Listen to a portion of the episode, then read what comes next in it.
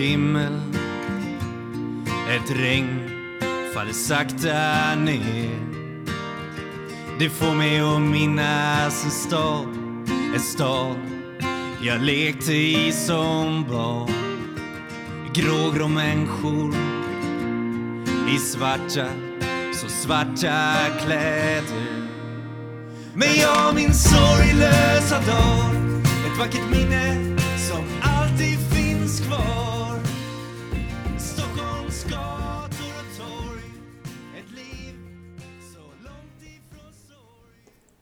Äntligen måndag och äntligen dags för ett nytt avsnitt av Beroendepodden. Woohoo! Välkommen till dig som lyssnar för första gången och välkommen tillbaka till alla er andra. Det här är en podcast om alla olika sorters beroende, medberoende och psykisk ohälsa. Och jag som driver podden heter Anneli. Och för er som inte vet vem jag är kan ni gå in och lyssna på första avsnittet. Där drar jag den korta och snygga versionen av mitt liv. Hur det var och vad som hände. Jag eh, är- själv en beroende människa och lever som nykter alkoholist sedan många år tillbaka. Men som sagt, till dig som lyssnar för första gången så ska du få lite info. På hemsidan beroendepodden.com så finns det en sida som heter Hjälp att få. Känner du att du behöver hjälp eller vet någon annan som kanske behöver stöd och hjälp? Kika in på den sidan. Där finns det länkar till olika ställen där du kan vända dig om du behöver hjälp. Eh, på hemsidan så står det även eh, vad vi mer gör än bara poddar. För Beroendepodden är nämligen mer än bara en podcast. Eh, vi anordnar lite olika saker för våra lyssnare och vi har till exempel löpgruppen Running for Serenity som drar igång nu i april i Stockholm. Eh, kika in på hemsidan. Vi har även en hemsida som heter Running for Serenity. Eh, läs mer där vad vi gör och dyk upp. Eh, man behöver inte kunna springa utan vi har även möjlighet att gå, gå, jogga, jogga och springa. Så det är en grupp där alla kan vara med. Vill man stötta podden så finns det olika sätt att göra det och det står också på hemsidan. Men ett sätt är att eh, komma den 14 september och springa eller gå Flatenloppet. Där vi springer för att bryta tystnaden kring psykisk ohälsa och beroende. Nytt för i år är att vi även har ett barnlopp på 1,5 kilometer. Flatenloppet för vuxna är 5,8 kilometer runt Flatensjön i Stockholm. Superfint, supermysigt och superkul. Så det är väldigt mycket super här men jag hoppas att ni dyker upp där och sprider vidare eh, om loppet så att fler eh, kommer dit. Så har vi en fantastisk dag. Jag vill också tacka alla er som sprider podden på sociala medier, Instagram och Facebook. Eh, fortsätt med det, det betyder jätte, jätte, jättemycket, verkligen. Eh, och som sagt, jag finns ju på sociala medier så eh, häng där med mig om ni vill. Och eh, sist men inte minst så vill jag säga att ni är bäst. Jag verkligen älskar er och podden vore ingenting utan er lyssnare eller mina fantastiska gäster som jag eh, får ha med podden. Eh, mina fantastiska gäster som delar med sig om hur livet såg ut, vad som hände och hur det ser ut idag. Så eh, med det vill jag säga god lyssning och så ska jag släppa in dagens gäst. Ba, ba, da, da. Ja, hej och välkommen till Bero- Beroendepodden Jakob Freiman. Tack så mycket Anneli. Du lever som tillfrisknande beroende och för detta livsstilskriminell. Precis. Du har varit nykter och drogfri i eh, mer än åtta år i Ja, dagsläget. stämmer. Och eh, hur gammal är du? 40 plus. Det låter bra det. eh, du ska ju idag få berätta din historia om hur det var, vad som hände och hur livet ser ut idag. Mm. Eh, så du får jättegärna börja berätta vart ifrån du kommer. Jag kommer från Chile från början. Jag är född i Valparaiso, Via del Mar. Eh, och eh, nej men eh, som sagt, jag, jag kommer från en dysfunktionell familj. Eh, mamma medberoende. Pappa, han var också, eller på den tiden i, i, i Chile så var det ju så här statskupp och Pinochet. Den, så, och det var, det var i den vevan vi flydde till Sverige. Men eh, redan i Chile så var det alltså oroligt. Eh, Vi flyttade runt och sånt. Eh, Jag, jag har ju också två systrar, en stora syster och en lilla syster. Och eh, vi flyttade runt bland släktingar och sånt och min mamma de var, var jagade av, av militären och polisen och så här. Så att eh, Minns du det? Liksom, du var liten då. Eh, nej, alltså jag, jag, är, jag har ju förstått någonstans att det var väldigt mycket trauma och sånt här. Så att jag minns inte så mycket. Det, jag kommer ihåg liksom bitar och, och så här.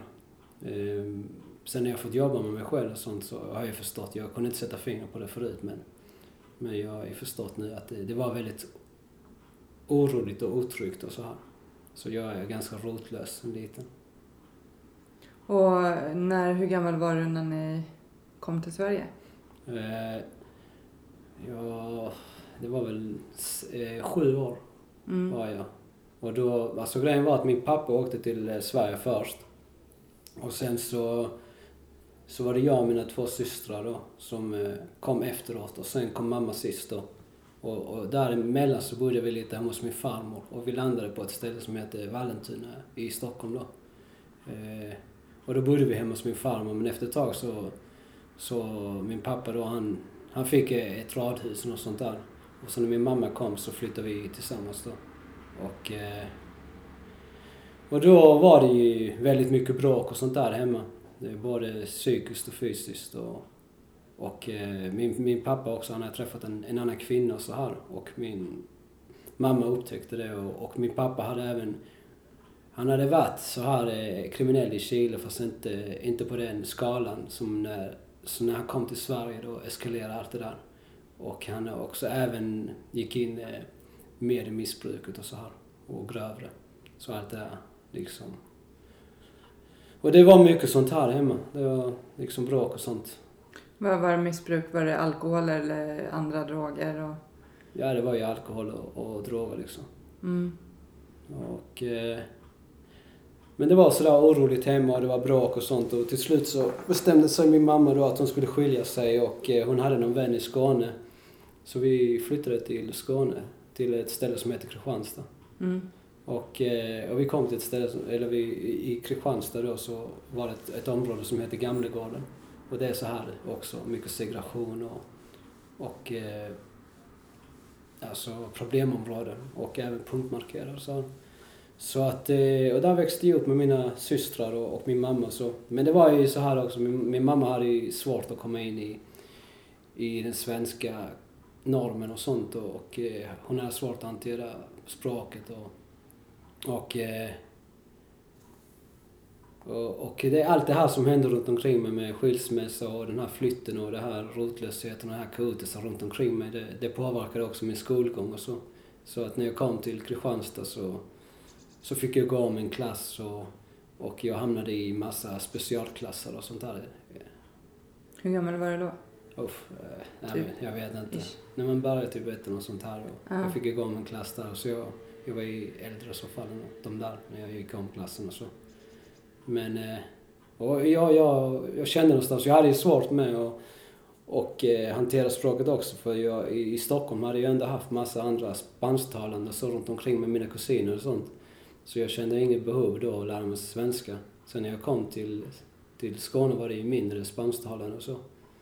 Och, och eh, jag hade inte direkt några fina kläder och sånt heller eftersom mamma gick på SUS och... Eh, och... Eh, nej, och eh, liksom hon hade svårt att och som sagt anpassa sig och sånt och vi fick ju ganska tidigt så blev vi... Alltså vi blev inte placerade så men vi fick så här extra familj och sånt. Via Mm. socialen och sånt. Och det var ju på grund av att min mamma mådde som hon mådde och så här efter den här skilsmässan och, och alltihopa som hände runt omkring henne. Och, och då intog vi också lite olika roller i, i, i syskonen då liksom. Min lillasyster hon var lite tapetsblomman och, och min stora syster var hjälten som kom fram, kom alltid hem med bra betyg och tog hand om oss yngre och sånt då. Och jag var ju den här rebelliska då, som gjorde uppror. Mm. Hur var, hade ni ingen relation med pappa alls då eller?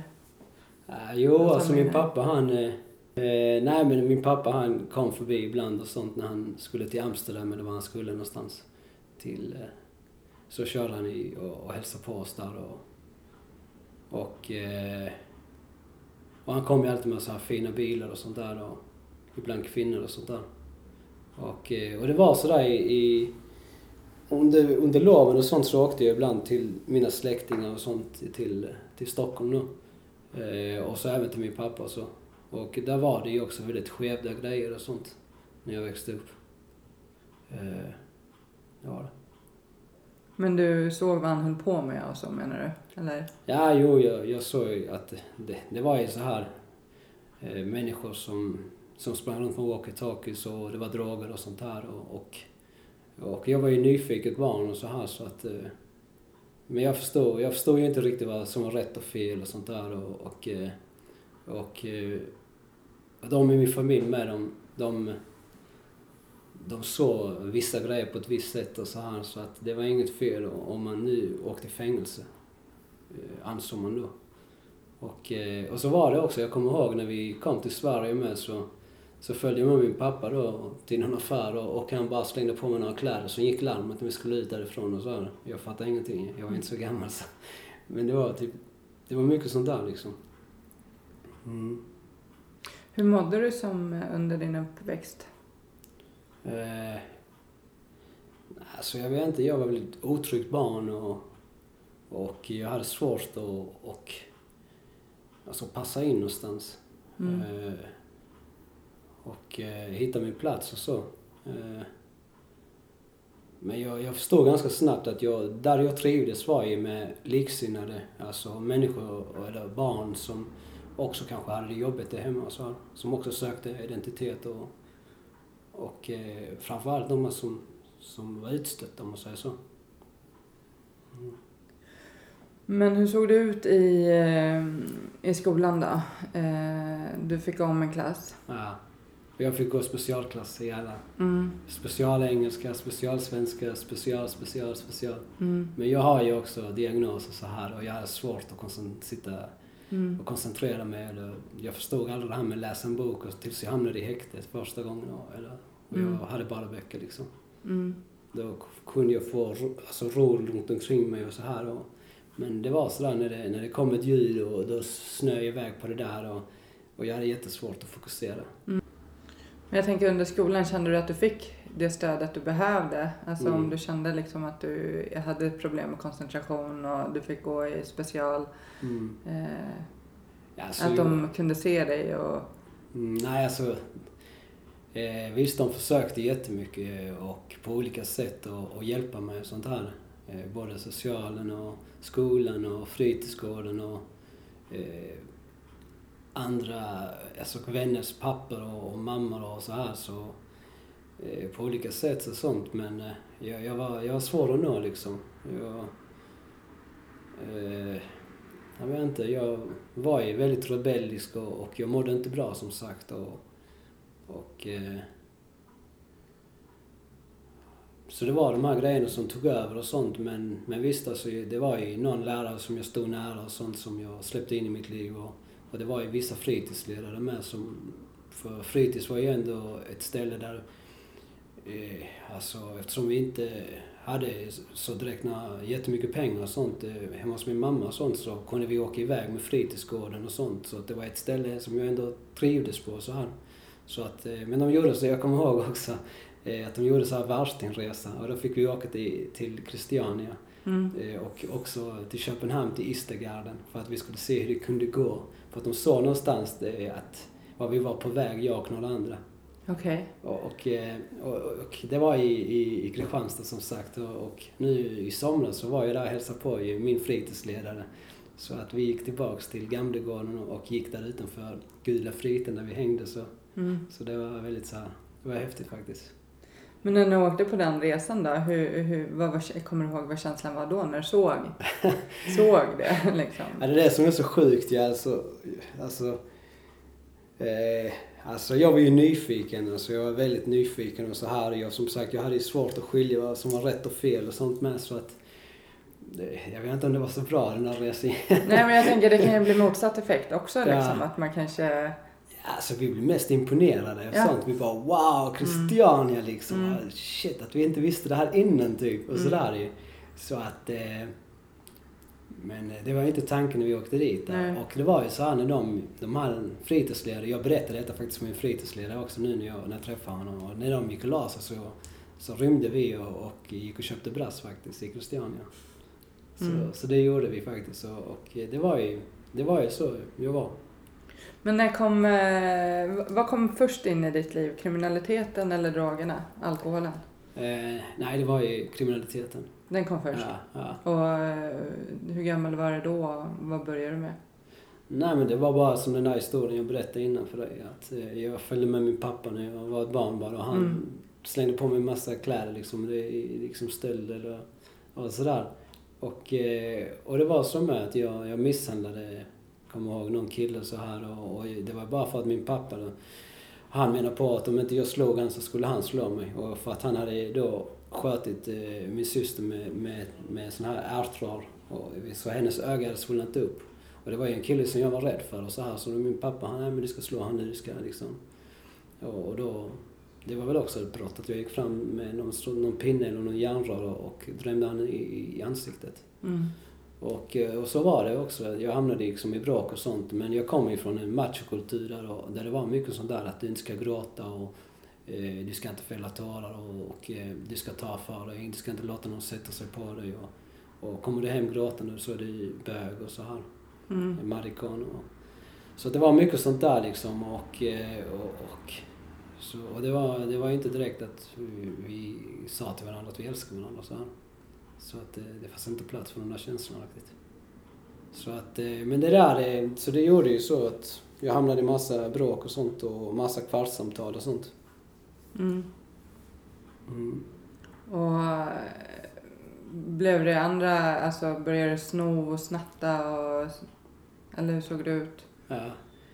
Ja, nej men det var i, i absolut, det var ju alltså så här, jag såg ju inte det som att jag begick ett brott då för att vi ville kanske bygga någon, när vi kanske åkte skateboard när vi var barn och så här. Så gick vi in i ett bygge och tog massa playwood och, och sånt där. Men det såg inte vi som ett brott ju. Eller, och eller att vi ville ha godis så gick in i en kiosk och tog massa godis Mm. och sådär. Så att vi, vi såg inte det som brott sådär. Men det började med att vi bara, ja, sno faktiskt. Eller vi bara liksom ta grejer. Eh, och sen så var det att man, eller att vi tog kläder och sånt också och eh, och sen så eskalerade allt det där. Att vi gjorde inbrott i bilar och sen så snodde vi bilar istället och, och hela tiden så eskalerade det. Och gränserna flyttas fram. Det var det det gjorde. När kom eh, alkohol och drogerna in i bilden då? Eh, alltså jag hängde ju mycket med de här äldre med och sånt och jag, eh, jag, jag i detta med så åkte min pappa in i, i fängelse då. Eh, och, och han blev dömd till 13 års fängelse plus livstids utvisning. Och, och då åkte jag också och besökte han i, i Kumla då. Och eh, jag vet inte, min pappa han pratade ju inte konsekvenser direkt. Så att eh, det var ju ändå någonstans min idol. Mm. Fast jag skämdes då när det står om han i tidningen skämdes jag för stunden och sånt. Så det står ju liksom mitt efternamn Freiman och så här. Och, eh, och, och jag skämdes jättemycket. Det var skamligt då. Sen när jag besökte min pappa då var det, press, då var det häftigt ju. Att han var liksom, han, han gjorde vad som krävdes och han visste om hur man var man och så. Och, och det var lite mina idoler, min pappa och, och sen min farbror, han var också väldigt så han, Eh, han satt med i fängelse och sånt där. Och, men han var ju väldigt match och sådär liksom. Och, och, eh, och det var de förebilderna jag hade också. De som påminner om min pappa och min farbror och sånt. Och de såg jag upp till också. Och, så att jag hade som sagt skevda förebilder och sånt då. Och... Eh, mm, ja, nu tappade jag frågan. Eh, frågan var när alkohol och droger kom in i bilden. Men jag tänker din Ja. pappa, han, eh, liksom, var han inte på dig att du inte skulle gå samma väg som honom? Eller var det tvärtom att han liksom lärde dig hur du skulle göra? Ja. Eller hur? Nej men han som sagt, han pratar ju inte direkt några konsekvenser. Alltså, Eh, Det var ju mycket det. Han visade sina smycken och, sina fina bilar och sånt. Och sen när han satt i fängelse så berättade han historier liksom och sånt där. Och, och, och sa det med om, om, det hamnar i fängelse och så detta och detta liksom och så här. Och, Mm. men... Eh, så det var, nej det var absolut inte, eh, det var ingen så här konsekvens prat och, och så att men det var, det var det i den där vevan också. Det kom in liksom droger och sånt här och alkohol. Jag kommer ihåg att jag drack mig jättefull någon gång. Det var första gången när jag när jag var med de äldre och sånt och det var kräftskivan och sånt där. Och jag, jag minns ingenting. Men jag, jag vet inte, jag tyckte inte om alkoholen direkt så här. Eh, och sen så var det samma sak eh, när jag var ungefär 13 år. Då var jag på väg någonstans i något disco med någon, någon äldre och en, jag och en kompis så här. Och, och då började han mecka och sånt och då rökte jag. Men jag kände ingenting första gången direkt så. Eh, och sen så var jag den här resan till Christiania sånt där, urart allting. Mm. Mm. Så det var där det började? Skolan? Fritidsledarna? Nej. Nej, så det var sådär. Och, men jag, jag har ju faktiskt så, häromdagen när, vi, när jag höll på att prata med en ungdom så han berättade för mig att, att han, eh, att han, han pratade om något så här liksom att, eh, att han hade vaknat upp och så här och, och eh, att han, han hade så här minnen och sånt han kom ihåg då att han vaknade och, och han hällde ut all alkohol medan hans, för vi pratade om det här med att det här dysfunktionella i familjeförhållanden och sånt där. Men han berättade då att han, när han vaknade så hällde han ut all alkohol och sånt där innan hans föräldrar vaknade och sånt. Och, och det var efterfest liksom och så här. Och då kom ju upp så här också, bilder för mig också att eh, jag minns också när vi, när vi var faktiskt i Amsterdam och sånt där då, eller i Holland. Och, eh, och jag vaknade med på morgonen och jag, jag var inte så gammal sådär så så såg jag så att det låg tallrikar med kokain och sånt där, eller något vit pulver och så. Och, eh, och jag var nyfiken som sagt så jag gick och smakade och sådär.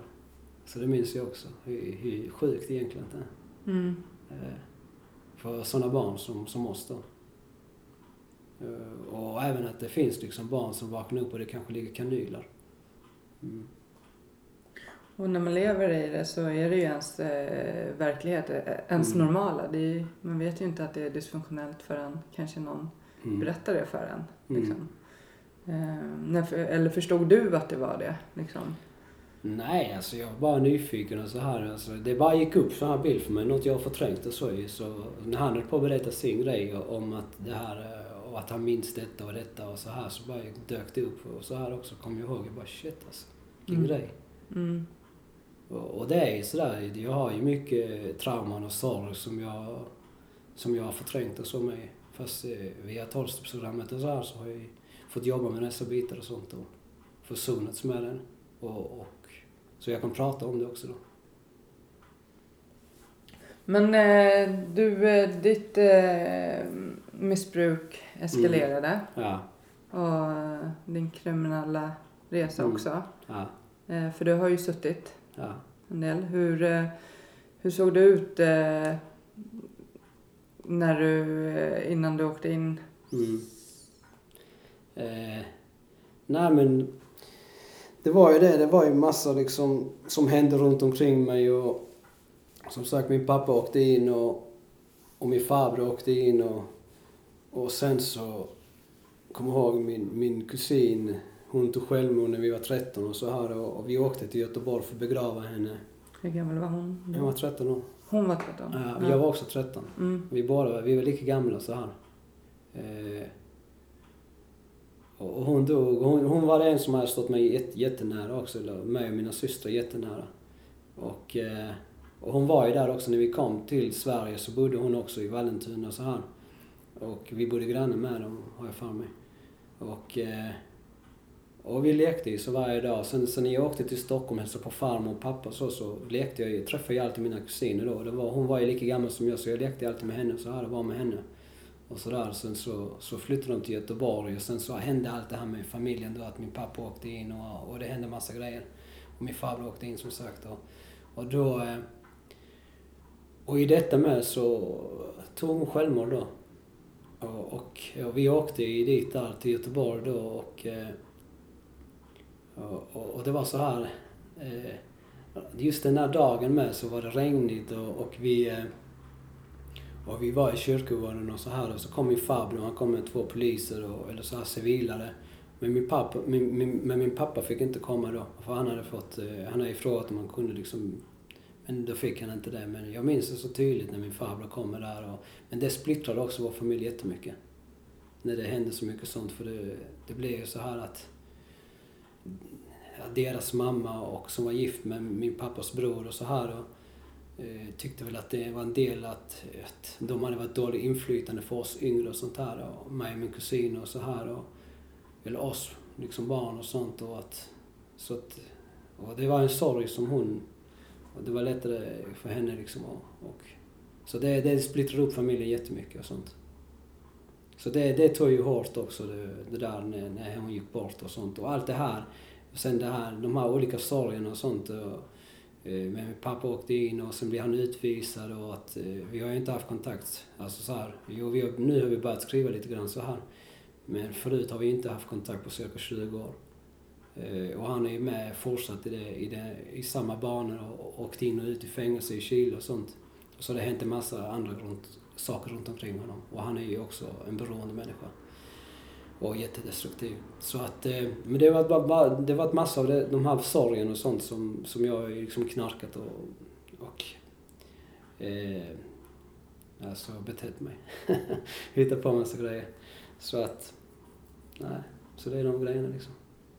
Vad otroligt tragiskt med, med din kusin. Jo, jag vet, jag vet. Hur visste du, alltså hade hon innan berättat hur hon mådde eller hade du någon aning om att, Mm. att hon gick i de tankarna?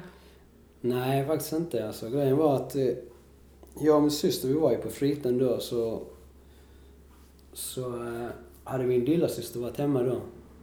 Och då hade hon ringt, alltså det var typ en dag innan, men då hade min syster inte, hon hade glömt bort att säga det till och så här. Sen så ringde min faster dagen efter då.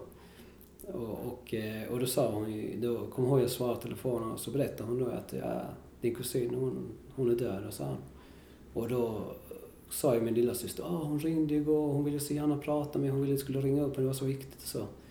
Och, eh, men vi var ju bara barn alltså allihopa ju. Och så här och, eh, men jag vet inte vad som hände, varför hon begick självmord och så. Men jag kommer ihåg att det var mitt första möte med döden sådär liksom. Väldigt nära in på. Det var det och... och, och jag, jag, men just just det där liksom.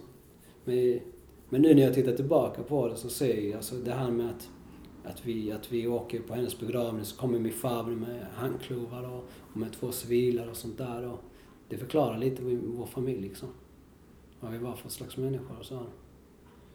Eh, och idag faktiskt så är jag övervakare till min farbror.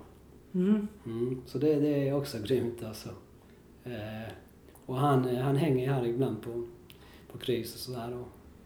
Ja, för det har vi ju inte sagt ännu. Men då, det är Nej, säkert jag vet ju. För du, eh, du jobbar ju här på KRIS Södertälje, Mm. Ja. kriminellas revansch i samhället. Ja, Eh, och är väldigt engagerad och brinner för det. ja, Eh, och framförallt för unga då kanske. ja. Det är unga KRIS du. Mm. Eh, så det är ju toppen. KRIS har ju verkligen hjälpt väldigt många människor. Precis. Men eh, sen så, eh, du hamnade i fängelse. Eh, ja, det var ju alltså det var ju väldigt mycket som hände runt omkring mig och sånt och eh, eh, men eh, och hela tiden så flyttades gränserna fram också. Jag blev mer och mer involverad i saker och ting och sånt. Och, eh, och det blir grövre och, och så här. Eh, och i detta med så... Jag började liksom röka eh, cannabis och så.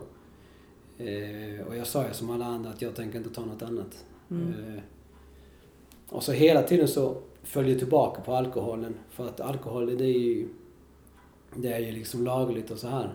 Och, och då var det när, när, om jag liksom tyckte det var jobbigt och så kunde jag dricka alkohol bara för att bedöva också. Eh, och, och, och jag liksom rökte i flera år och sånt. Men efter ett tag så började det få liksom omvänd effekt på mig. Att jag, alltså jag isolerade mig mer och, och jag tyckte det var jobbigt att göra saker och ting om jag, om jag inte liksom var påtänd och så här Och, Eh, och, och så var det liksom att jag, i början så kunde jag vara social och sånt och på ett annat sätt och jag hade liksom munchies och jag satt och garvade och så här, det var roligt liksom.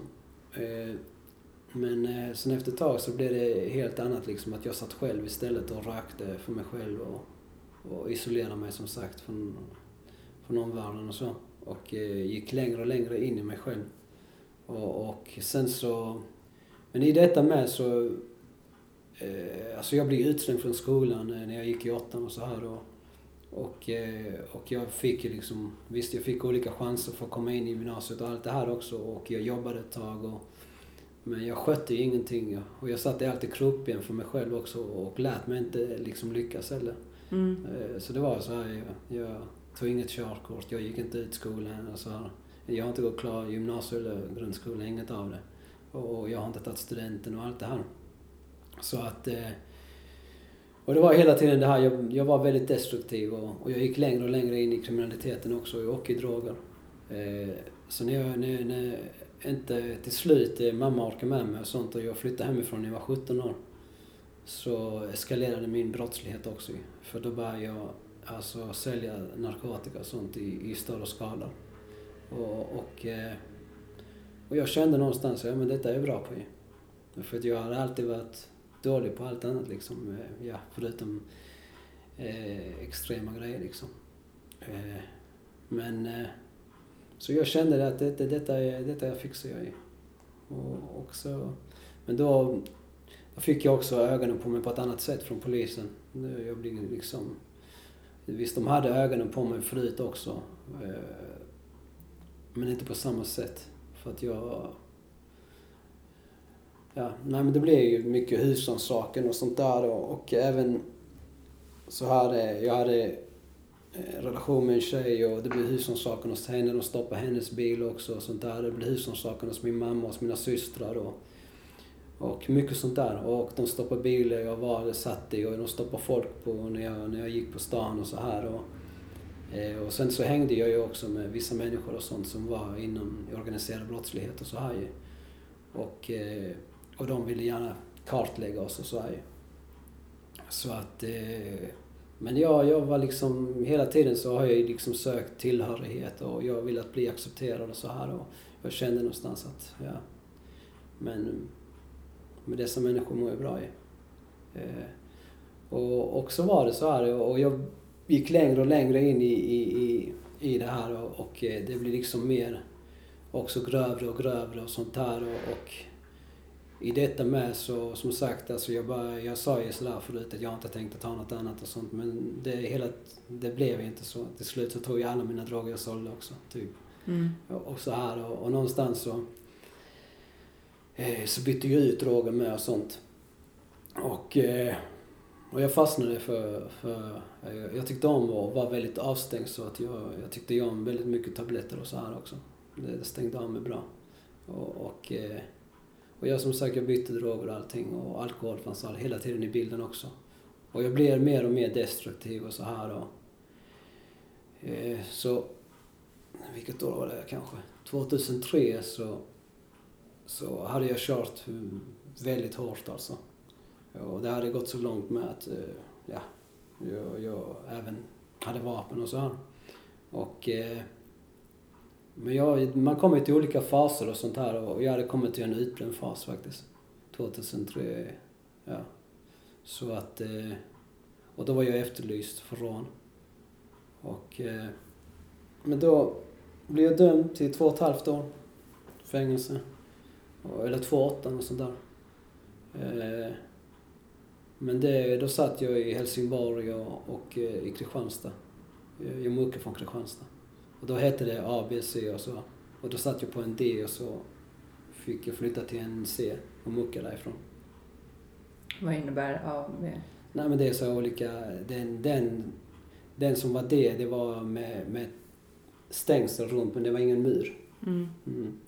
Och, och, eh, och C det är ju med mur och så. Idag heter det 1, 2, 3. Och, eh, ett är ju liksom Kumla, Tidaholm, Hall, Salberga. Och, och sen har vi två som är Österåker och, och de andra liksom. Och sen har vi Öppen då. Och på Öppen har jag aldrig suttit. Eh, på grund av att jag har liksom gängtillhörighet och livstidskriminell och, eller eh, våldsbrottsling och mycket sådana här domar. Mm. Men när du åkte in eh, då, vad tänkte du? Tänkte du liksom att nu ska jag förändra mitt liv eller? Mm. Nej, alltså, alltså... jag var inte riktigt klar heller. Eh, jag, jag, någonstans så hade jag kanske en önskan för jag, det hade gått, som sagt jag hade kommit till en utbränd fas och så här och jag kunde vakna på morgonen att jag bara spydde, spydde galla. Mm. Eh, Jag mådde så dåligt och sen så kunde jag slänga i mig några piller och sen så här liksom. Sen var min dag igång och sen var det hela tiden det här. Så kom en kompis och plockade upp mig i någon bil och sen så gick vi på möten och, och, sen så var det det här, eh, jaga efter pengar. Eh, och olika, olika grejer liksom. Eh, och sen så, och hela tiden drogerna fanns det hela tiden. Och, någonstans så är, det ju också en svaghet med droger ju. Och, och, och, och vissa droger är ju totalförbjudna. Är du sprutnarkoman får du kanske inte umgås med vissa människor och sånt där. Eh, men det, det finns liksom mycket droger hela tiden där och sånt där. Och, och, eh, men eh, jag hade kommit, så någonstans så tänkte jag, alltså jag vill inte se mig själv som en narkoman. Jag vill inte det. Jag, den där förnekelsen, jag, jag hela tiden pekar finger på andra men de är jävla pundare och de är så här liksom. Jag är så rättfärdig, jag hela tiden mina beteenden så här och, och hur jag var så här. Eh, av, avskärmen också, också och mycket makt och kontroll. Så att eh, men jag förnekade det jättelänge och så här för mig själv. Och jag, någonstans när jag hamnade på kåken, så när jag klättrar på väggarna förstår jag någonstans att shit, jag mår inte bra. och jag kommer ihåg också det, att eh, jag åkte till Chile och skulle tända av också. 2000 var det. Och, och eh, jag var där tre månader men eh, jag fick en sån alltså, riktigt grov psykos där. Så att de höll på att stänga in mig i psyket i Chile faktiskt. Och jag mådde jättedåligt så här. Men jag visste jag skulle komma tillbaka. Men det tog inte lång tid innan liksom jag föll igen. För att hela tiden så... Och det var ju på grund av att jag, jag drack det där första glaset och så här. Och, de, och, jag är en beroende människa. Jag blir helt besatt. Jag, jag, det jag aldrig tyckte var roligt med ett glas eller en öl. Mm. Så här, så det bara, och det, sen vill jag ha sen rättfärdiga men jag kan ta lite kokain också. Kokain är lite finare och sånt och så här. Det är i alla fall inte som de andra drogerna. Och då kan jag, sen är det igång hela det här. Sen så ska jag och benzo så få landa så här. Och det är så det funkar. Sen så händer det massa saker och ting runt omkring mig. Jag har ju tur så... ja, så, så, så nej, men det, det, är rysk roulette varje gång. Och, eh, och så var det för mig och så, så att eh, men det blir ohanterligt och när jag hamnade på, på kåken så här så, så tänkte jag, kan jag inte sluta här så kan jag aldrig sluta ju. Jag ska aldrig, jag sa till mig själv, jag ska aldrig mer ta den där och den och den. Jag ska aldrig ta dem där. Så, så, här, så gjorde jag en regel av det. Jag tänkte, fan kan jag inte sluta här inne så kan jag aldrig sluta. Så jag ska, så när jag blir erbjuden saker och ting och så här i fängelse så, så tackade jag faktiskt nej och så. För att jag kände någonstans att jag ville bli ren. Mm. Och så hade jag någonstans hade jag en önskan om en förändring men jag visste inte var. För jag, den där kriminella identiteten satt i ryggmärgen. För jag visste inget annat. Jag, jag, jag, jag hade inga framtidsdrömmar. Jag tänkte aldrig, jag levde för dagen och så här. Jag hade ingenting att jag skulle få barn eller att jag gör det här, att jag hamnar i fängelse och kanske jag får skulder. Jag brydde mig inte. Eh, det var samma sak när jag var, när jag, var- när jag var ung så här. Eh, och eh, vi gjorde brott och sånt så var det ingen som, min mamma, de pengarna fanns inte. Min mamma betalade inga böter och så här. Och eh, så att jag, jag brydde mig inte liksom så här. Det var så vi resonerade. Alltså jag och mina vänner och så här. att De bara, nej men ta CSN-lån, det kommer aldrig liksom. eh, Varför heter det, det kommer aldrig betala ändå tillbaks det. Jag bara, varför heter det lån då? Mm. Nej men det är om du ska skaffa ett jobb och det tänker du inte göra. Jag bara, nej precis. och det var så vi resonerade. Vi hade inga framtidsdrömmar liksom.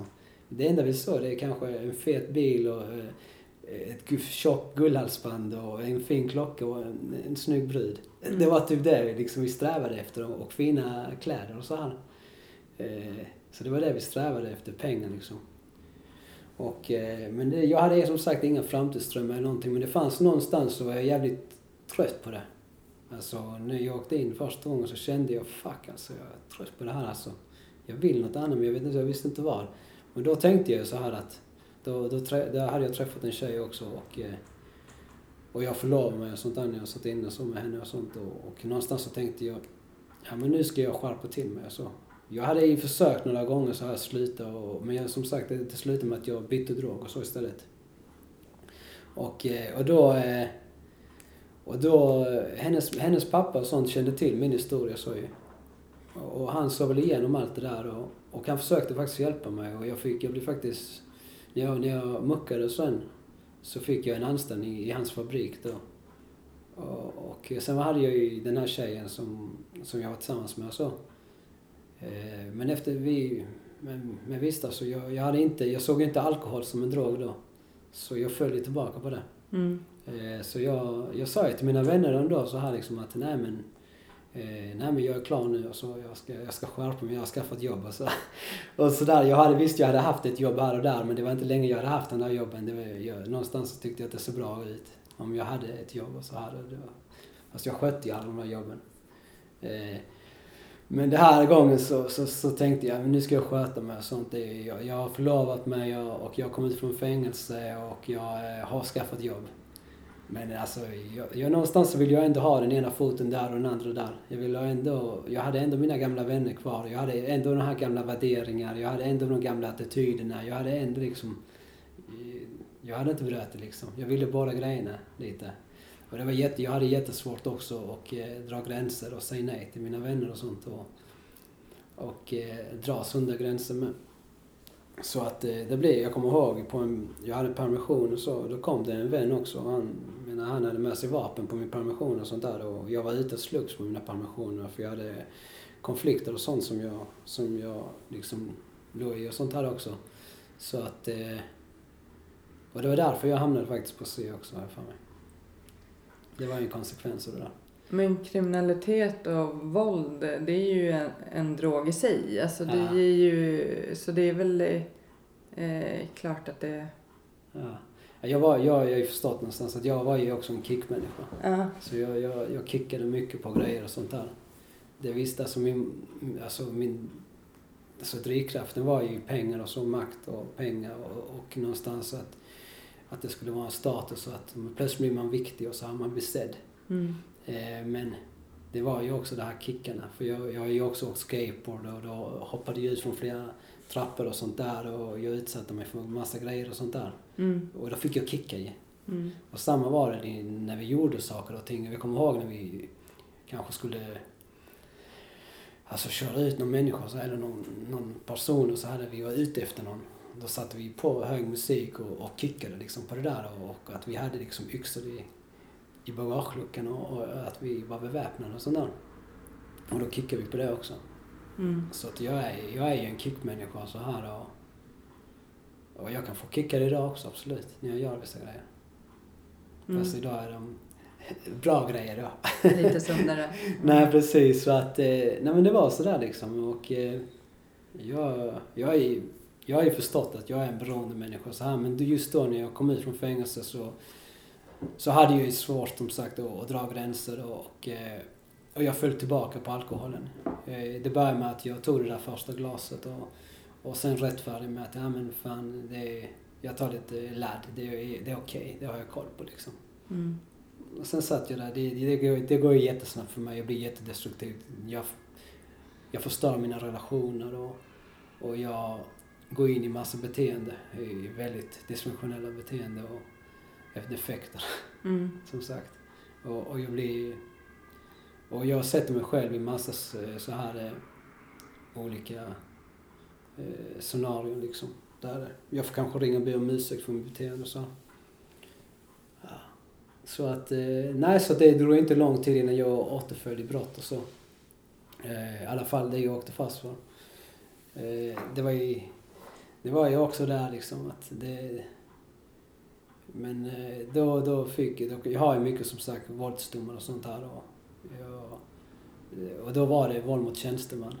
Eh, men, men, men, som, men då fick jag en chans till. Jag fick eh, samhället. Jag har ju gått igenom hela liksom, alla, på allting som jag har blivit dömd till. Liksom, eh, flera gånger så blivit dömd till eh, vad heter samhällstjänst och, och jag har blivit dömd till socialen, jag har blivit dömd till gå till rättspsyk, jag har blivit dömd till allt möjligt. Till, Mm. Eh, men jag fick en chans då igen och så här och sen återföll jag brott igen och igen och så här. Och, ja. och så hände det, det, det, det blev mer och mer liksom ännu värre och så här. Och, och i detta med så, så dog det en massa människor runt omkring mig också. Eh, och, och vissa av mina vänner de fastnade i ett, i ett tungt missbruk. Alltså. Och jag visste jag hade också tungt missbruk men de hade tyngre liksom. Och, och, eh, och vissa tog överdos och, och, och eh, vissa liksom... Eh, nej men den här livsstilen skördar mycket liv liksom. Och, och eh, ibland så var väldigt unga människor med. Så att... Eh, och även jag eh, tog överdos och så här och vaknade upp i, på sjukhuset och min mamma stod där och jag hade en massa slangar upp i näsan och, och i armarna och sånt där. Och, och, och det hände några gånger liksom. Och, och jag vaknade ibland någon gång att Men hur var det efter de gångerna då, när du vaknade upp eh, på sjukhus med slängar och... Nej men alltså, jag var ju så, jag var så eh, destruktiv då så att jag, jag kom också till eh, en punkt där jag inte brydde mig och så här och jag bara, nej men dör jag så dör jag. Jag bryr mig inte. Mm. Och jag, jag, som sagt, jag hade inga framtidsdrömmar och jag som en, min mamma hon, hon tjatade mycket på att jag skulle skaffa barn. Hon tänkte att det skulle bli min räddning och så. Så att, eh, men jag, jag tänkte inte framåt och så här. Visst det fanns tjejer som, som jag träffade och så här som blev gravida och så här med. Och, men jag sa ju det att jag kan inte bli pappa så här. Eh, jag är inte klar med mig själv så jag, jag kommer inte bli en bra pappa så här. Och, och sådär. Eh, så jag var väldigt destruktiv så och jag, jag hade liksom... Jag, jag förstörde liksom mina relationer och allting och... Eh, sådär så att, så höll det på. Men sen så, eh, så nådde du ju en botten. Ja. I, Alltså jag har nått en botten flera gånger, jag, min personliga botten. men den, Oj, den som har gjort så att du har varit nykter och drogfri. ja, ja. tänker jag. Ja, nej, det var mycket alltså som hände runt omkring mig och, och eh, det var, jag, jag åkte in 2003 ju. Sen så muckade jag 2005 och sen så höll jag ute mig till 2010. Mm. Eh, och däremellan så hände det massa grejer och sånt här. Men någonstans så hade jag strävat om att Alltså jag tyckte någonstans när jag växte upp att det var, det var häftigt någonstans. Mm. Eller att det var status och att för här. Och så var det, alltså vi, vi grabbar och sånt, vi höll ihop allihopa du vet och vi backade upp varandra när det kom om folk från andra områden och sånt där och, och det, då var det med att, en, om man säger så här, att där man bodde ifrån, vi backade varandra. Eh, sen när vi blev äldre så, så, så, liksom, så gick vissa sin väg och vissa gick sin väg och allt så här och, och vi, eh, och vi, eh, då kom det in också mer, mer droger, mer pengar och då hände det massa grejer och sånt där och, och i början så samarbetade alla liksom, om man säger så. I, sen i, i, då när jag kom ut så, så bara liksom, då, då var det ganska splittrat allting. Och, och, eh, och då hände det massa grejer liksom och så här och, och det liksom blir konflikter med barndomsvänner och allt möjligt. Och, eh, och jag återföll i brott och sånt där men, ja. Men då, då hände det massa grejer runt omkring mig och så här och, eh, och till slut så, så 2010 då, den 18 december så, så vaknade jag upp i arresten då. Eller jag vaknade, alltså jag, jag kommer ihåg också när polisen kom och hämtade mig i min lägenhet. Eh, och då var jag åtalad för försök till mord. Mm. Och då, det anser jag var absolut min, min botten och så här och, och, och eh, då hade allting rasat liksom. Eh, och det hade ju hänt massa annat liksom runt omkring också absolut. Men, eh, och då kände jag bara shit, fuck nu får det räcka liksom. Och jag visste inte hur det skulle gå, jag visste ju inte hur, hur det hade gått för den där killen heller. Jag bara var så här liksom, var för det här nu plötsligt och, jag bara liksom förnekade och, och, och och det var en lång process alltihopa. Och jag kände också någonstans att det var, folk som hade vänt mig ryggen och, och, och detta var ju skamligt med för min mamma, min familj och sånt. Jag kommer ihåg tidningen var där och sånt och eh, och de sa det till mig, jag tänkt på att tidningen är vid, vid rättegången då. Och, eh, och då tänkte jag, men jag, jag skiter vilket, det här rebelliska i mig liksom. Jag Mm. skiter, jag var arg, jag har så mycket hat i mig med. Så alltså jag tänkte, äh, fuck, jag ska jävla sträcka fram fingret, fuck it till dem liksom. Fan. Men så tänkte jag, nej shit, min mamma, det är de som kommer bli drabbade av detta ju. Så jag, jag tog ju på mig en sån här över ansiktet liksom så här. Och, eh, men någonstans så bara... Och jag blev dömd till fem år då. Och- jag kände liksom... Jag hade börjat se igenom allt, allt det här som vi, vi liksom... Vi strävade efter allihopa. Att det, det var status och allting. Och, och det hade blivit så destruktivt allting. Alla, alla, alltså droger med förändrar människor och sånt där. Det förändrar människor och, och det, det är mycket sånt där man, man, man gör mot man gör mot andra människor men man gör ju alltså, jag gjorde ju fula grejer och så här och mot andra människor och sånt där och, och jag blir utsatt för fula grejer också. Eh, och det, det är så här, det är det som vi ser utspela sig överallt i, i varje förort och sånt. Kompis, barndomsvänner som, som som det blir konflikter och, och så här och, och det blir fulningar och så här bakhåll och sånt. Och, och, och det är ett stressigt liv där man får se sig bak axeln och sånt. Mm. Ja, men i en kriminell livsstil och Mm. med missbruk och sånt, det är klart att man skadar andra men man skadar ju sig själv också väldigt, Ja. väldigt mycket. Absolut. Så, Mm. ehm, Ja, jag, jag har ju fått se lite allt möjligt och så här. mm, Alltså där, jag har ju sytt ögat och, och eh, här bak och fingret har jag inte sytt där och jag har ingen känsel där och, mm, och sådär liksom. mm. Hur gick det för, eh, för den där killen då? Eh, nej, alltså... Eh, ja, nej, men det var, det var ju... Det var ju så grovt och så och... Eh, eh, jag såg ju bild på det så också så här och det, det såg ju inte bra ut och... Eh, jag har tur att han överlevde. Mm. Eh, jag tackar Gud att, att han inte dog. Eh, jag vet inte vad jag hade blivit dömd för, om för mord eller, eller dråp, jag vet inte. Men... Men det var ju något som urartade och så här. Och, eh, men, jag, men jag blev dömd till fem, fem år då, försök till mord och, och sen så överklagade jag domen då och eh, menade på att det var nödvärn och det var hemma i min lägenhet och så här. Och då, eh, då fick jag sitta häktad i en, en lång, det var en lång häktestid och sånt eftersom jag överklagade och sånt. Förut, eh, första gången jag blev dömd till eh, två och eh, sex, två, åtta eller vad det var så, eh, så eh, överklagade jag inte för jag var nöjd med domen då. De yrkade ändå på en tre, fyra år då och jag fick liksom två och ett halvt, då var jag nöjd så jag var nej, det, det tar jag. Sådär, men den här gången så, så ansåg jag liksom att nej, det var min lägenhet, jag blev också överfallen och så här och, och jag försvarade mig och, och eh, så här och det var inte så att jag planerade att döda honom. Det hände i stridens hetta så här.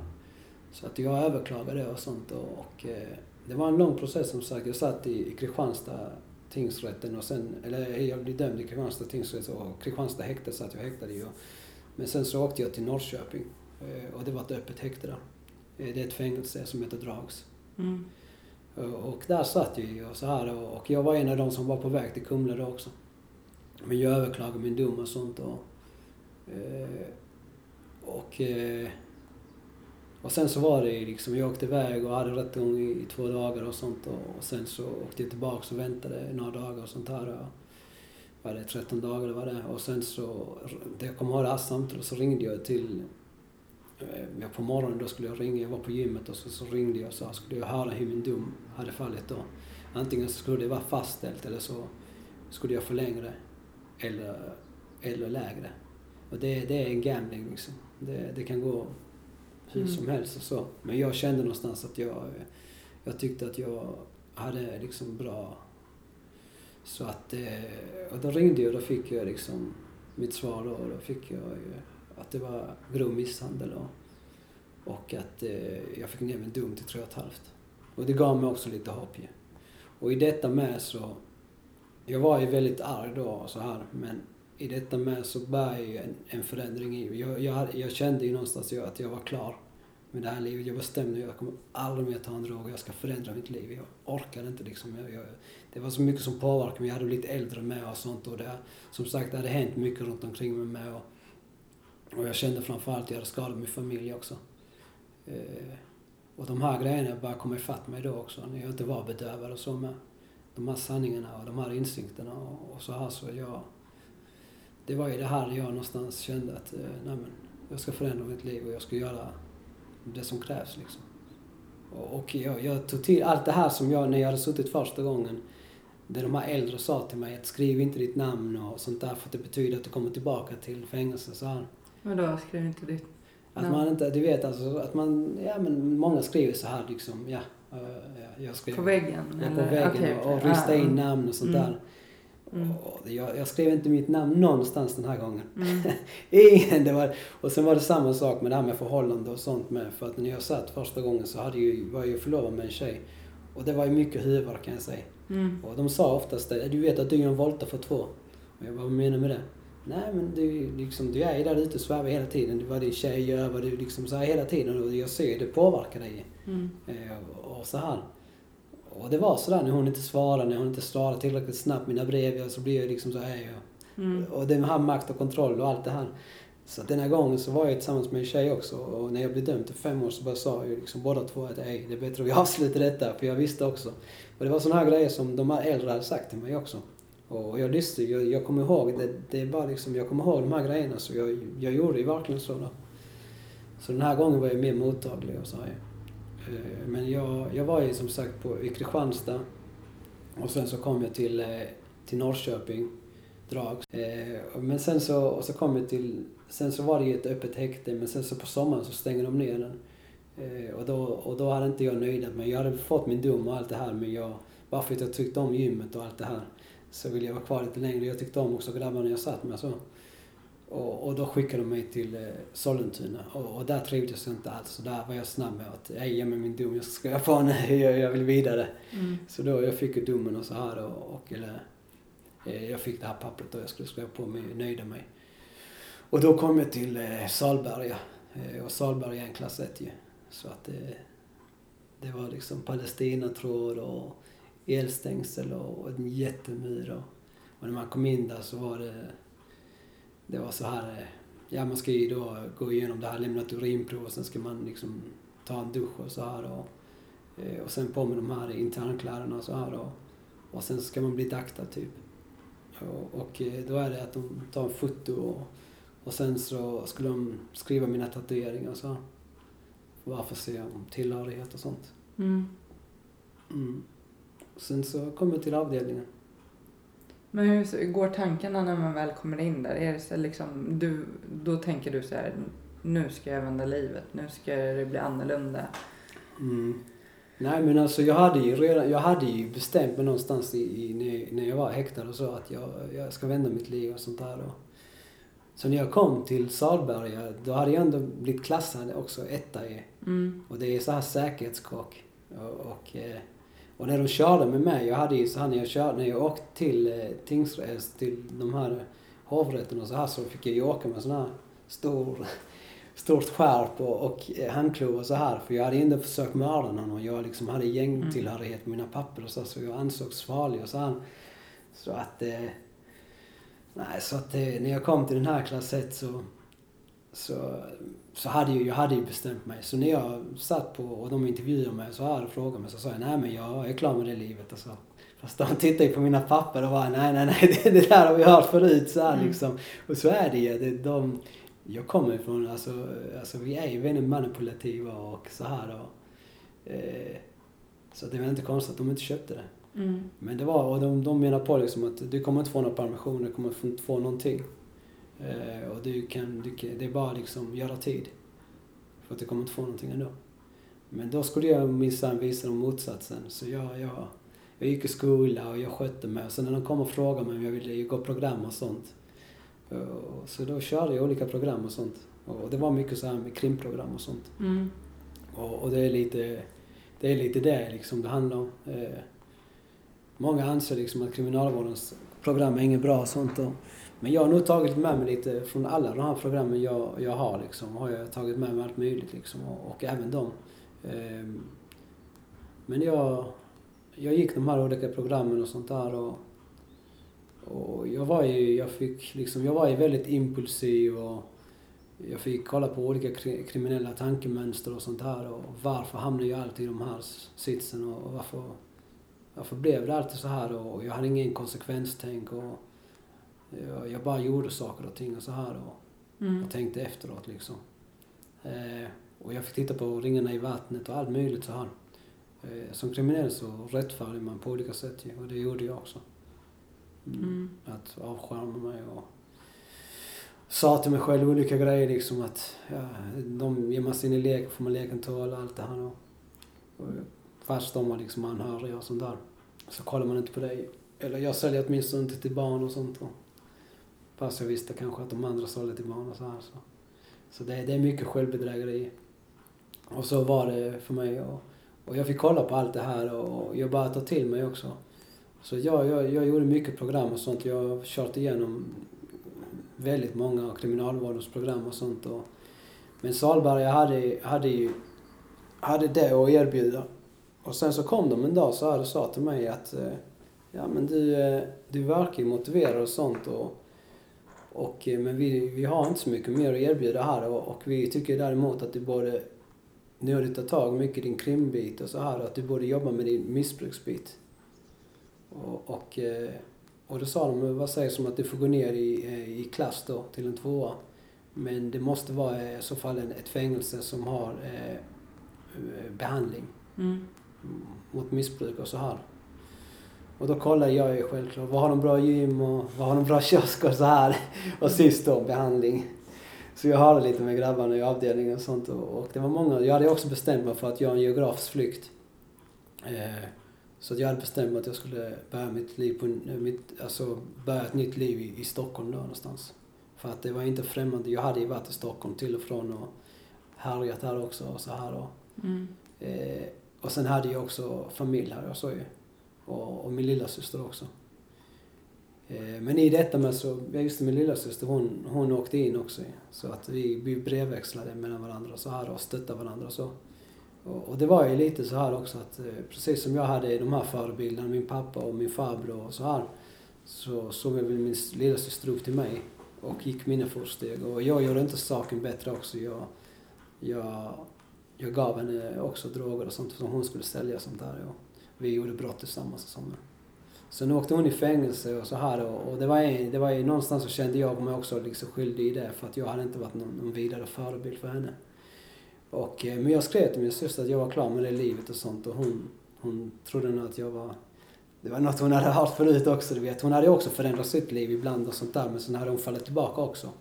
Jag kommer ihåg hon flyttade till Malmö och så här ett tag och eh, och, eh, och hon liksom tog körkort, hon fick barn och allting. Men sen så kom jag och hälsade på henne så här och jag var ju fortfarande kvar i det där så här och, och, eh, och, och det här destruktiva, jag, jag, jag drog med mig alla liksom. Så, så var det så här. Så att, eh, nej men så vi stöttade varandra och sånt när vi satt inne båda två och, eh, och men i detta med så, så kollade jag en anstalt då som jag ansåg eh, var, lät intressant och så att det var i Stockholm och det hade behandling och så här. Eh, och det var i Österåker. Så att... Eh, sen kom de en dag på morgonen så sa de till mig, ja men idag ska du åka. Och då, då fick jag gå ner i, i klass då till en tvåa och Österåker det är en hög klass tvåa. Mm. Eh, Så att, eh, men då kom jag dit där och jag kom till mottagningen. Och, mottagningen det är djungelns lag. Oj, det, det var fullt liv där. Och jag kom ändå från en klass 1-anstalt där jag hade suttit med många livstidare. Och livstidarna är bra att sitta med för att de vill ändå ha det lugnt. Mm. Eh, Det är mer de här som ska hävda sig som är lite jobbiga och som kanske har mindre straff och så. Så att, eh, och där var det många sådana knallmänniskor.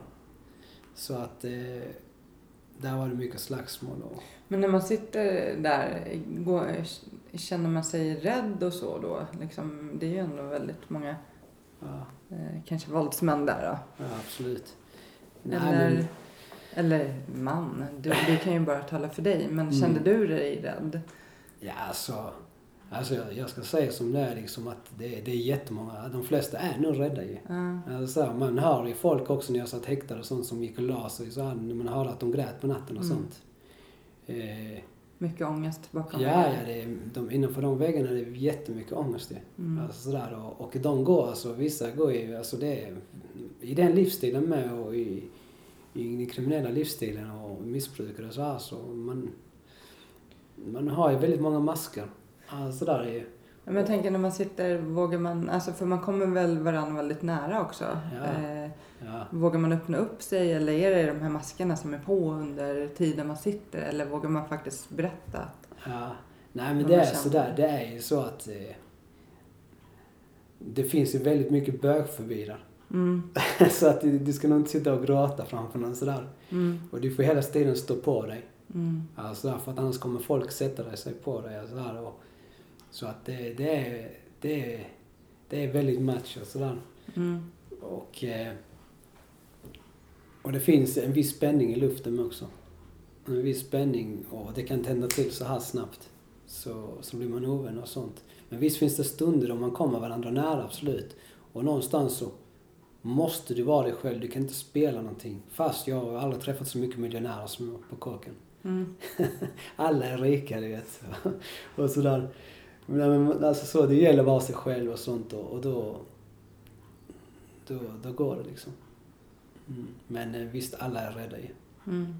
Men du tog eh, behandling. Mm. Eh, var, och eh, var det tolvstegsbehandling eller hur? Ja men det är det det var ju. Mm, Alltså, det...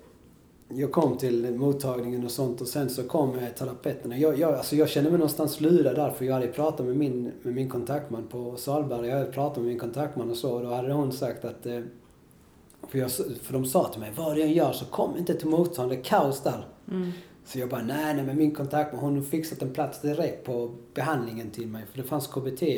Det finns KBT i Salberg, eller vad säger Österåker och så finns det 12 steg. Och jag tänkte bara, jag kommer till någon av dem. Jag bryr mig inte vilken alltså. mm, Jag ville bara till det stora gymmet och den bra kiosken och så här. Så ville jag gå ner i klass så att jag, jag kände någonstans att jag var klar. Eh, så att jag, jag, nej men då, jag ville bara liksom dit där och jag tänkte att då kanske jag också fick mina, mina eh, villkor om, omprövade. Och då kanske jag kunde få någon sorts utsluss. mm, Bara för att jag går ner i klass och kanske, för jag hade inte hamnat i Kumla då ju.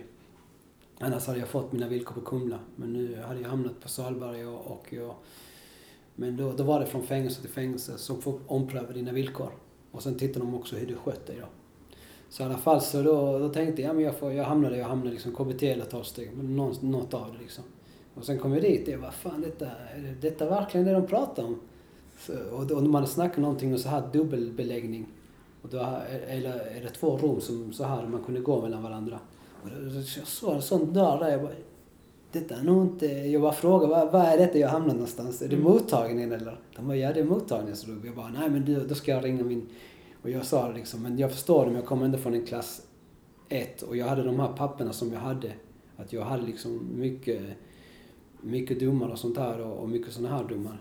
Så att eh, de, de tänkte väl någonstans, hur har han lyckats manipulera sig hit här? Så att de ville prova mig ju. Och då kom de så här eh, och jag kände mig lurad och så ju. Så jag, då kom det några terapeuter och sånt och, och, sa, och ville prata med mig och sånt och sa det. Men du, vi ser ju här att du kommer från en klass 1 och allt det här. Och, eh, men vi ser också att eh, du har jobbat mycket med kriminella tankemönster och sånt. Men du behöver jobba med missbruk. Och vad tycker du om 12-steg då? mm, Och jag hade ju förutfattade meningar vad jag tyckte om 12-steg. Jag hade ju haft vänner som hade gjort 12-steg i, i, i så här olika behandlingar och sånt. Och jag tyckte att de hade blivit hjärntvättade. Mm. Jag tyckte att de hade blivit jättedryga. Och de pratade om Gud hela tiden. Och i och för sig, jag har aldrig haft något problem med Gud för jag kommer från en sån religiös, eh, troende liksom, familj. Men, eh, men mina kompisar, de här som, som var kriminella, så här, bara pratade om Gud och sånt där och, och ena med det andra och de inte ville dricka. Då, då ville jag med men jag bara, nej kom, jag bjuder, här kom. Så Mm. här liksom. Eh, för jag ville få med dem på mitt tåg då. Så att, eh, så jag tyckte det ena med det andra men så, så sa de, ja men tänk på det, du kan bära ett intro här. Så du får känna på hur det känns och sånt. Och och så här, så jag bara, ja men låt mig tänka på det. Jag försökte först hala mig lite. Jag sa liksom, nej men jag håller på att göra prisma, jag är inte riktigt klar med den. Bara, nej men du kan lägga det åt sidan, jag tycker du borde prova det här. Jag Tror det kan vara bra för dig, så. Så i alla fall, så jag bara, ja men jag ska tänka på det. Så gick jag tillbaks på avdelningen, så kollade jag med grabbarna och sa, men då sa ju vissa, då, nej men det, bror du ska inte, du, det där är bara så här knäppskallar och sånt där. Och, och, och de hade ju vad de tyckte om det. Och sen pratade jag med några andra och då hade jag ändå, jag hade ändå tid kvar liksom. Så det var inte så att jag hade bara ett halvår kvar. mm, Så, och då pratade jag med några mer så här liksom äldre och lite visare om man säger så. Men de, de här, de gav mig goda de bara, men tänk på dig själv liksom. Du, du, du har ändå tid kvar och kommer du dit, då, då, om du börjar här så kanske du får komma över till andra sidan. För ofta så är det så, om du sköter det där och introt så får du gå över till. Ja, kommer du till gymmet då? Så, här. så de var, nej, men så, så då tackade jag ju jag ju. Och jag kom dit här på de här mötena och så här. Och folk presenterar sig så ah, Lars, alkoholist, narkoman och eh, Nisse och jag är beroende och jag knarkade och alla och, och jag satt bara och bara, åh, vad dryga människor, jag är inte som dem. Mm. Och så jag är inte sådär liksom. Men sen så satt jag och lyssnade på så stod och jag bara liksom, när, de, när, när, när det var min tur och så här så jag bara, nej men. Jag presenterar inte mig som någonting. Jag bara, nej, jag väljer att lyssna liksom. Jag vill inte delta liksom i någonting. Och, men jag satt och lyssnade på deras historier och sånt där dag in dag ut och så här. Jag kunde känna igen mig så jävla mycket i de här historierna och sånt. Och att de kunde sätta alltså, ord på känslor och så med, du vet. Och, det har jag aldrig kunnat liksom. Jag har aldrig kunnat förklara det här jag bär inom mig. Och, eh, och de var bra på att sätta ord och så har jag som sagt, det ibland så bara nästan fick jag så här kalla kårar. Bara shit, pratar de om mig? Mm. Så det var nästan som att jag bara, fuck alltså. Och sen så började jag liksom också delta i de här och, samtalen och så här och började presentera mig som beroende och, och så här. Och, och jag, kände, jag kände någonstans att det kändes skönt. Och, och, eh, och de lyssnade på mig och, och det kändes också som jag bara liksom det här som jag har burit omkring, som att det bara liksom släppa lite. Och, och eh, men jag hade ju som sagt fortfarande, jag var i en sån miljö sånt eh, där det är massa manipulerande människor och, och så här så att och, och i en våldsam miljö så här så att men till slut fick jag ändå gå över till andra sidan efter, efter ett tag då. Eh, och då kom jag till tolvstegsbehandlingen. Och då skulle jag börja jobba i stegen och så. Och, och jag, som sagt, jag var fortfarande kvar i miljön så jag bara, nej bror, får jag låna ditt steg så jag kan skriva av det? Fuska sig igenom steget. så där var jag ju. Och de bara, nej, nej, nej, nej, det här ska du göra för dig och sånt. Och, så, och däremot kan jag hjälpa dig lite och sånt, men du måste göra det. Och jag bara, vad fan är det med dessa människor? Så här, jag var fortfarande kvar lite i det där liksom. Mm. I de här beteenden och sånt. Men sen så, så började jag jobba i stegen och sånt och, och, eh, och kapitulera och allting liksom. Och, och, och sen började liksom bli det på riktigt ju. Men du förstod eh, att du hade en sjukdom då? då? Ja. Mm. ja, för någonstans i mitt huvud visste jag, jag sa till mig själv, men jag kommer aldrig ta droger. Mm. Men så någonstans så såg jag mig själv att jag muckade och att jag målade upp det som att det var bra ju. Jag ska åka limousin, jag ska dricka champagne. Som att det var aldrig så. Mm. Alltså sådär. Det slutar alltid kaos ju. Men jag målade upp det så den dagen här för att... Och sen Mm. kände jag någonstans att det... Att jag var i... Jag, jag, jag ville ju vara normal också liksom. Och det är väl ett sätt att umgås. Mm. Så att, eh, och min terapeut, vi, vi hade många samtal och sånt här och, och han, eh, alltså han, han sa, alltså jag sa ja men visst jag ska aldrig mer ta droger och sånt och jag fick skriva en avskedsbrev till drogerna och så här och det var inte några problem. Så han, ja, han läste väl mig så här också ju. Så han bara, ja men det här liksom, när du, innan du tog det där och så, men tog du inget annat? Och så jag bara, ja men jag drack kanske någon öl och så, ja det är alltid de här ölen och sånt där. Han bara speglade mig och så du vet. Och jag bara, vad menar du vadå? Att det, nej, ingenting alltså. Mm. Jag bara, vadå? Ska jag aldrig mer dricka eller? Och han bara, jag vet inte. Det är du som säger. Vadå, menar du att det är min trigger liksom? Eller vadå menar du? Jag tror att du behöver skriva brev till alkoholen också. Och då fick jag skriva ett brev till alkoholen med liksom. Ja, men för det har man ju hört, eller jag har hört många liksom som faller tillbaka på narkotika hela tiden. Mm. För att de vägrar ge upp alkoholen. De Ja. anser ju inte att det är deras problem. Mm. Men vad händer när de dricker? Mm. Det, det slutar ju med sin huvuddrog till slut. Ja. Om och om igen liksom. Mm. Så det... Mm, nej men det, det är sådär. Jag vet ju att jag inte kan dricka. Mm, Att jag, jag dricker aldrig normalt. mm, Jag har försökt allt möjligt. Jag har försökt dricka smart. mm, Alltså sådär, dricka glas efter, efter några glas, så glas vatten och så här. Är Någon annan... Ja, alltså någonstans så, ah, den här gången gick det åt helvete bara för att jag drack alk, alltså jag, för att jag drack vodka. Eller så här, för att jag drack ren sprit.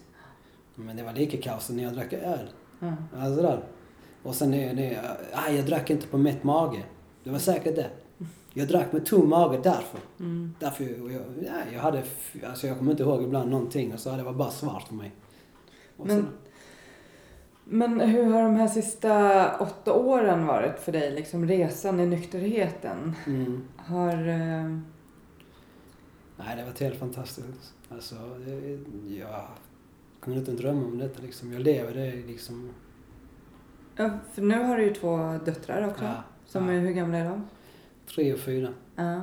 Mm. Men, men du hade ju som sagt, eh, din dröm var ju det här kriminella eller dröm om man, Mm. jag vet inte vad man, om man ska Mm. kalla det dröm. Men, och du sa ju liksom att du hade inga så här framtidsdrömmar förutom det att, eh, förrän där slutet Mm. då, då. Men när börjar liksom, vad är det som har hänt? Vad är det för drömmar som har kommit? Och, Mm.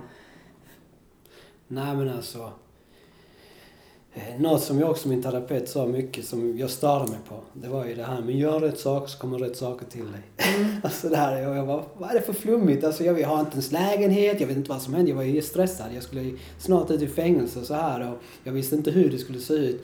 Jag hade inte med mig min, min kommun heller, du vet.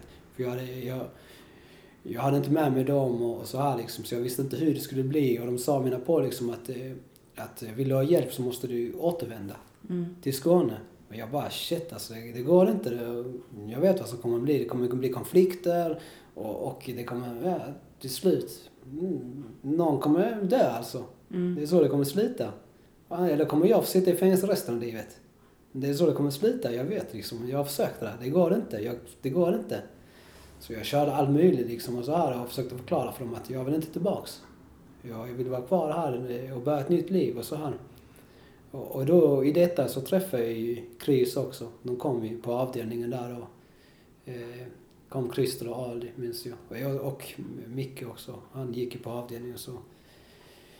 Och, och, eh, och så hade jag tänkte vilka, vilka är dessa? Så hade jag hade sett någonstans eh, en tidning och sånt där det stod vägen ut och, och jag hade läst lite om det och, och, och Christer är med från Kristianstad så här och, och jag är med från Kristianstad så här så att eh, så när vi träffades där så, så pratade jag, visste att han var från Kristianstad. Jag bara nej.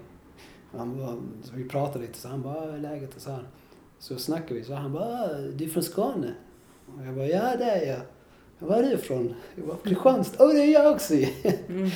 Och så blev det ju ett fint möte och så här, så det var schysst. Och, och sen, hade, sen, sen hade vi enskilda samtal och sånt och jag förklarade liksom att hur det, så, hur det såg ut allting och sånt där. Och, och då sa han, nej men du, vi ska se till så att du blir det här och sen eventuellt kan du börja en praktik hos oss och det kan leda till att du får ett jobb.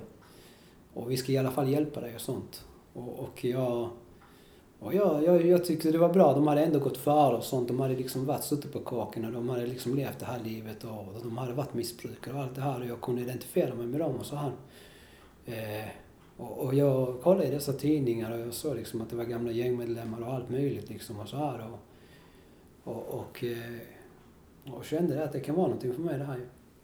Så att sen så så var det verkligen så som min terapeut sa ju att gör du rätt saker så kommer rätt saker till dig. Och eh, jag, jag hade ju också min kontaktman, han verkligen krigade för mig också för att jag skulle få någon sorts utsluss. Och jag, jag, jag ville ha en, för att kunna få en utsluss så behövde jag också göra någon permission. Eh, och, och eftersom jag träffade Chris så, så sa jag, ja men jag kan ju, jag kan ju gå och besöka det för det eventuellt kan det bli mitt jobb ju. Och sen var det samma sak med, med att jag träffade även, eh, jag träffade, hade kontakt med lite med, med folk från Hatten och så, med mycket var det nog. Han kom och hälsade på mig och så, så pratade vi och så här och, eh, och, och, eh, och sen så kom det folk från Livskraft, eh, från Södertälje, en behandlingshem här. Och, och, eh, och de var ju och berättade och de hade ju som sagt, de drog ju life story och sånt i fängelse och så här och, och sen bad jag om att träffa dem efteråt så pratade jag så här och, och, och frågade lite vad de hade, om jag kom till deras behandling och så här. Eh, och, och till slut så, så lämnade jag in en ansökan och så här och, och frågade liksom om, eller jag lämnade hela tiden in en massa, massa ansökningar. Det var riktigt jobbigt. Nej men i alla fall så jag, jag, eh, jag lämnade in så här att jag ville ha ett besök i, i Livskraft här i Södertälje. Och, eh, och då, då fick jag ju till slut godkänt. Och då fick jag åka iväg och jag åkte iväg med, med tre vårdare, tror jag det var. tre vårdare och, och, och, eh, och så åkte jag till Södertälje, till Ronna och besökte det här behandlingshemmet Livskraft då. Och eh, jag kommer ihåg Sen så var det ju så här, men jag ska dit där, jag ska dit där. Så här, det, det, visst alltså, så, jag kommer ihåg mina kompisar där inne med, de bara, de kom med så här tidningsurklipp och som bara kolla det är dit du ska flytta Ronne så var det gängkrig och så här du vet och, och väldigt, jag var, när jag kom till Ronne jag kollade ut så här, det, jag bara som möjligheter. Att fan här får jag vara liksom, börja upp ett, börja ett nytt liv och så här. Det var det jag såg. Jag såg inte det här med förorter. Jag kom ändå från förorten i Mm. Kristianstad. Jag hade bott i ett sånt ställe så jag, det var inget konstigt. Så i alla fall så... Eh, nej, så jag fick en permission då och, och jag fortsatte ha kontakt med KRIS och så. Och de kom och besökte, vi hade samtal och sånt och de, de körde i det här motiverande samtal och förändringsprat och så med mig. Och, och det var då faktiskt de som också sa det här till mig att men, ta kontakt med ett behandlingshem så du kan få något utsluss och så här. Eh, och då får du komma ut och så ska du, kan du fokusera på din, fortsätta fokusera på din behandling och sen så när det är slut så kan du komma till oss och börja jobba liksom. Och så där så att eh, och, och, eh, och jag sen fick en permission till, bevakade en tillsyn då med en, en kontaktman då, med min kontaktman som kämpade för mig så här. Så han, eh, och då gick vi till KRIS och besökte det. Och, och då kom vi till, då kom vi till KRIS Stockholm då. Och sen så efter det så, i, i, på mitt straff kunde jag fått ett halvår vårdvistelse. Men eh, då, hade det, då, det gick det liksom. Då var det sex månader. Det kunde jag fått ju. Då var det fem månader, fick jag fortfarande inte beviljat liksom. Så var det fyra månader, jag var fan. Mm. Så var det, var, var det jag och några andra grabbar med som hade sökt till den här samma behandlingshem. Sen var det vissa andra som hade sökt, men vi, jag visste vilka som hade sökt. Och eh, vissa av dessa blir väldigt god vän med och fortfarande kontakt med så.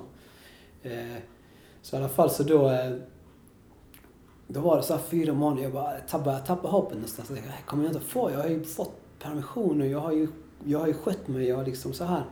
Sen, sen här åkte en iväg och sen så så kallade de in mig, jag skulle på ett möte, de skulle prata med mig de här då. Och så sa de, mig på det här mötet, och jag, imorgon så åker du till, till Södertälje då, på behandlingshem. Och då var det, då var det liksom julafton och så var det nyår där i mellandagarna. Eh, så jag hade ju firat liksom jul där för sista gången. Jag har ju firat många av mina födelsedagar, för jag fyllde år i december månad med. Mm. Och, det är också något så här konstigt liksom att jag har varit väldigt destruktiv i december månad. Och det, det är säkert på, på grund av att min pappa fyller år och det händer mycket runt omkring mig just då. Och det är väldigt, det är då en högtid man ska umgås med familjen och det har varit en stor sorg för mig då. Så jag hamnade alltid, inte alltid, men jag, jag var väldigt destruktiv. Jag såg till att hamna i fängelse eller häktet. Så att eh, det var några, så det var sista julen jag firade i, i, fängelse och sen så kom jag till, så kom eh, eh de från Livskrafts Carola och hämtade mig utanför fängelse. Sen så åkte vi hit här och sen så firade jag nyårsafton på en balkong i Ronna och, och såg alla raketer. Så att, eh, och sen började mitt nya liv liksom. Mm, i Södertälje. Mm. Mm.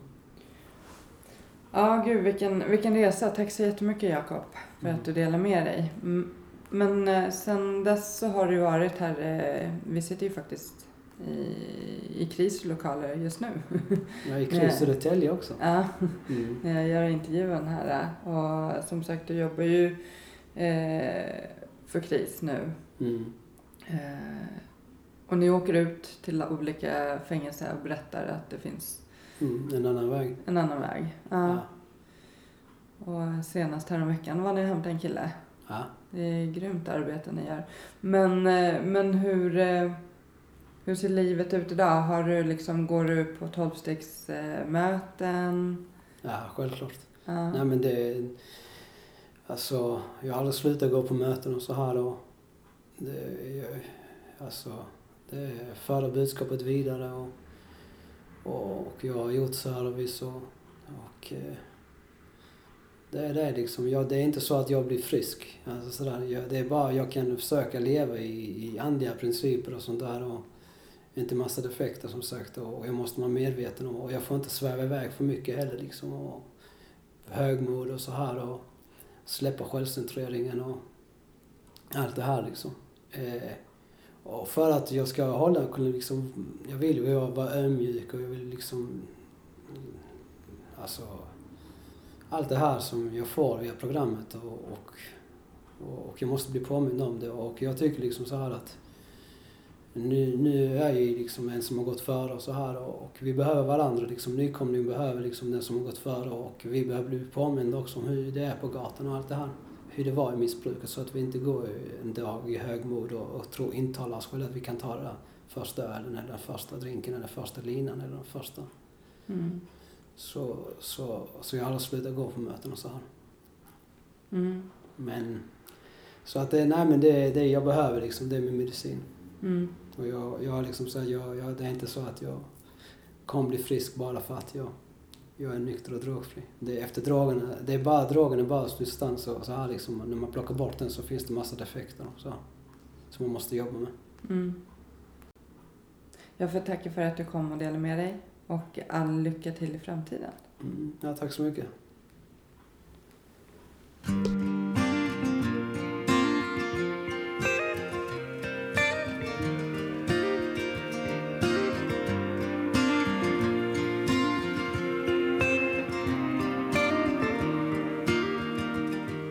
Mörk himmel Ett regn faller sakta ner.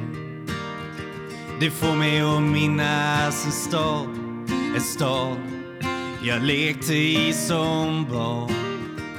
Grågrå människor i svarta, så svarta kläder. Men jag min sorglösa dag Ett vackert minne som alltid finns kvar Stockholms gator och torg Ett liv så långt ifrån sorg ba, ba, da, da. Ba, ba, da, da. Ba, ba, da, da, da, da, da, da, da. Ba, ba, da, da. Ba, ba, da, da. Ba, ba, da, da, da, da,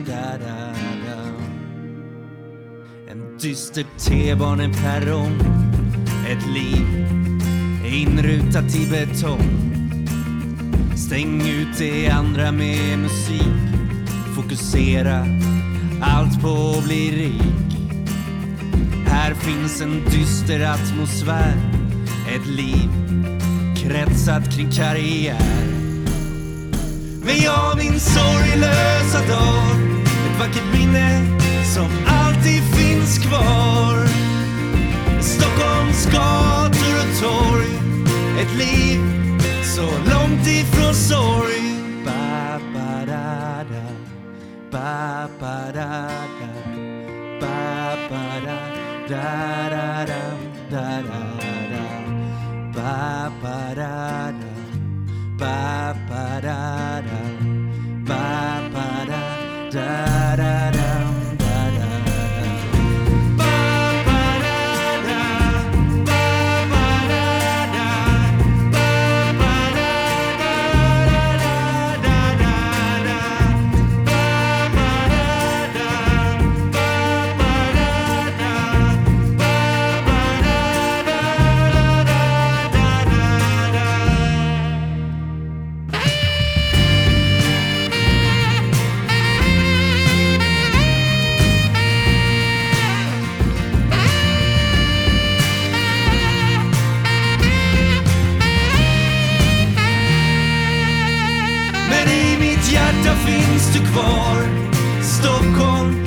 mina drömmars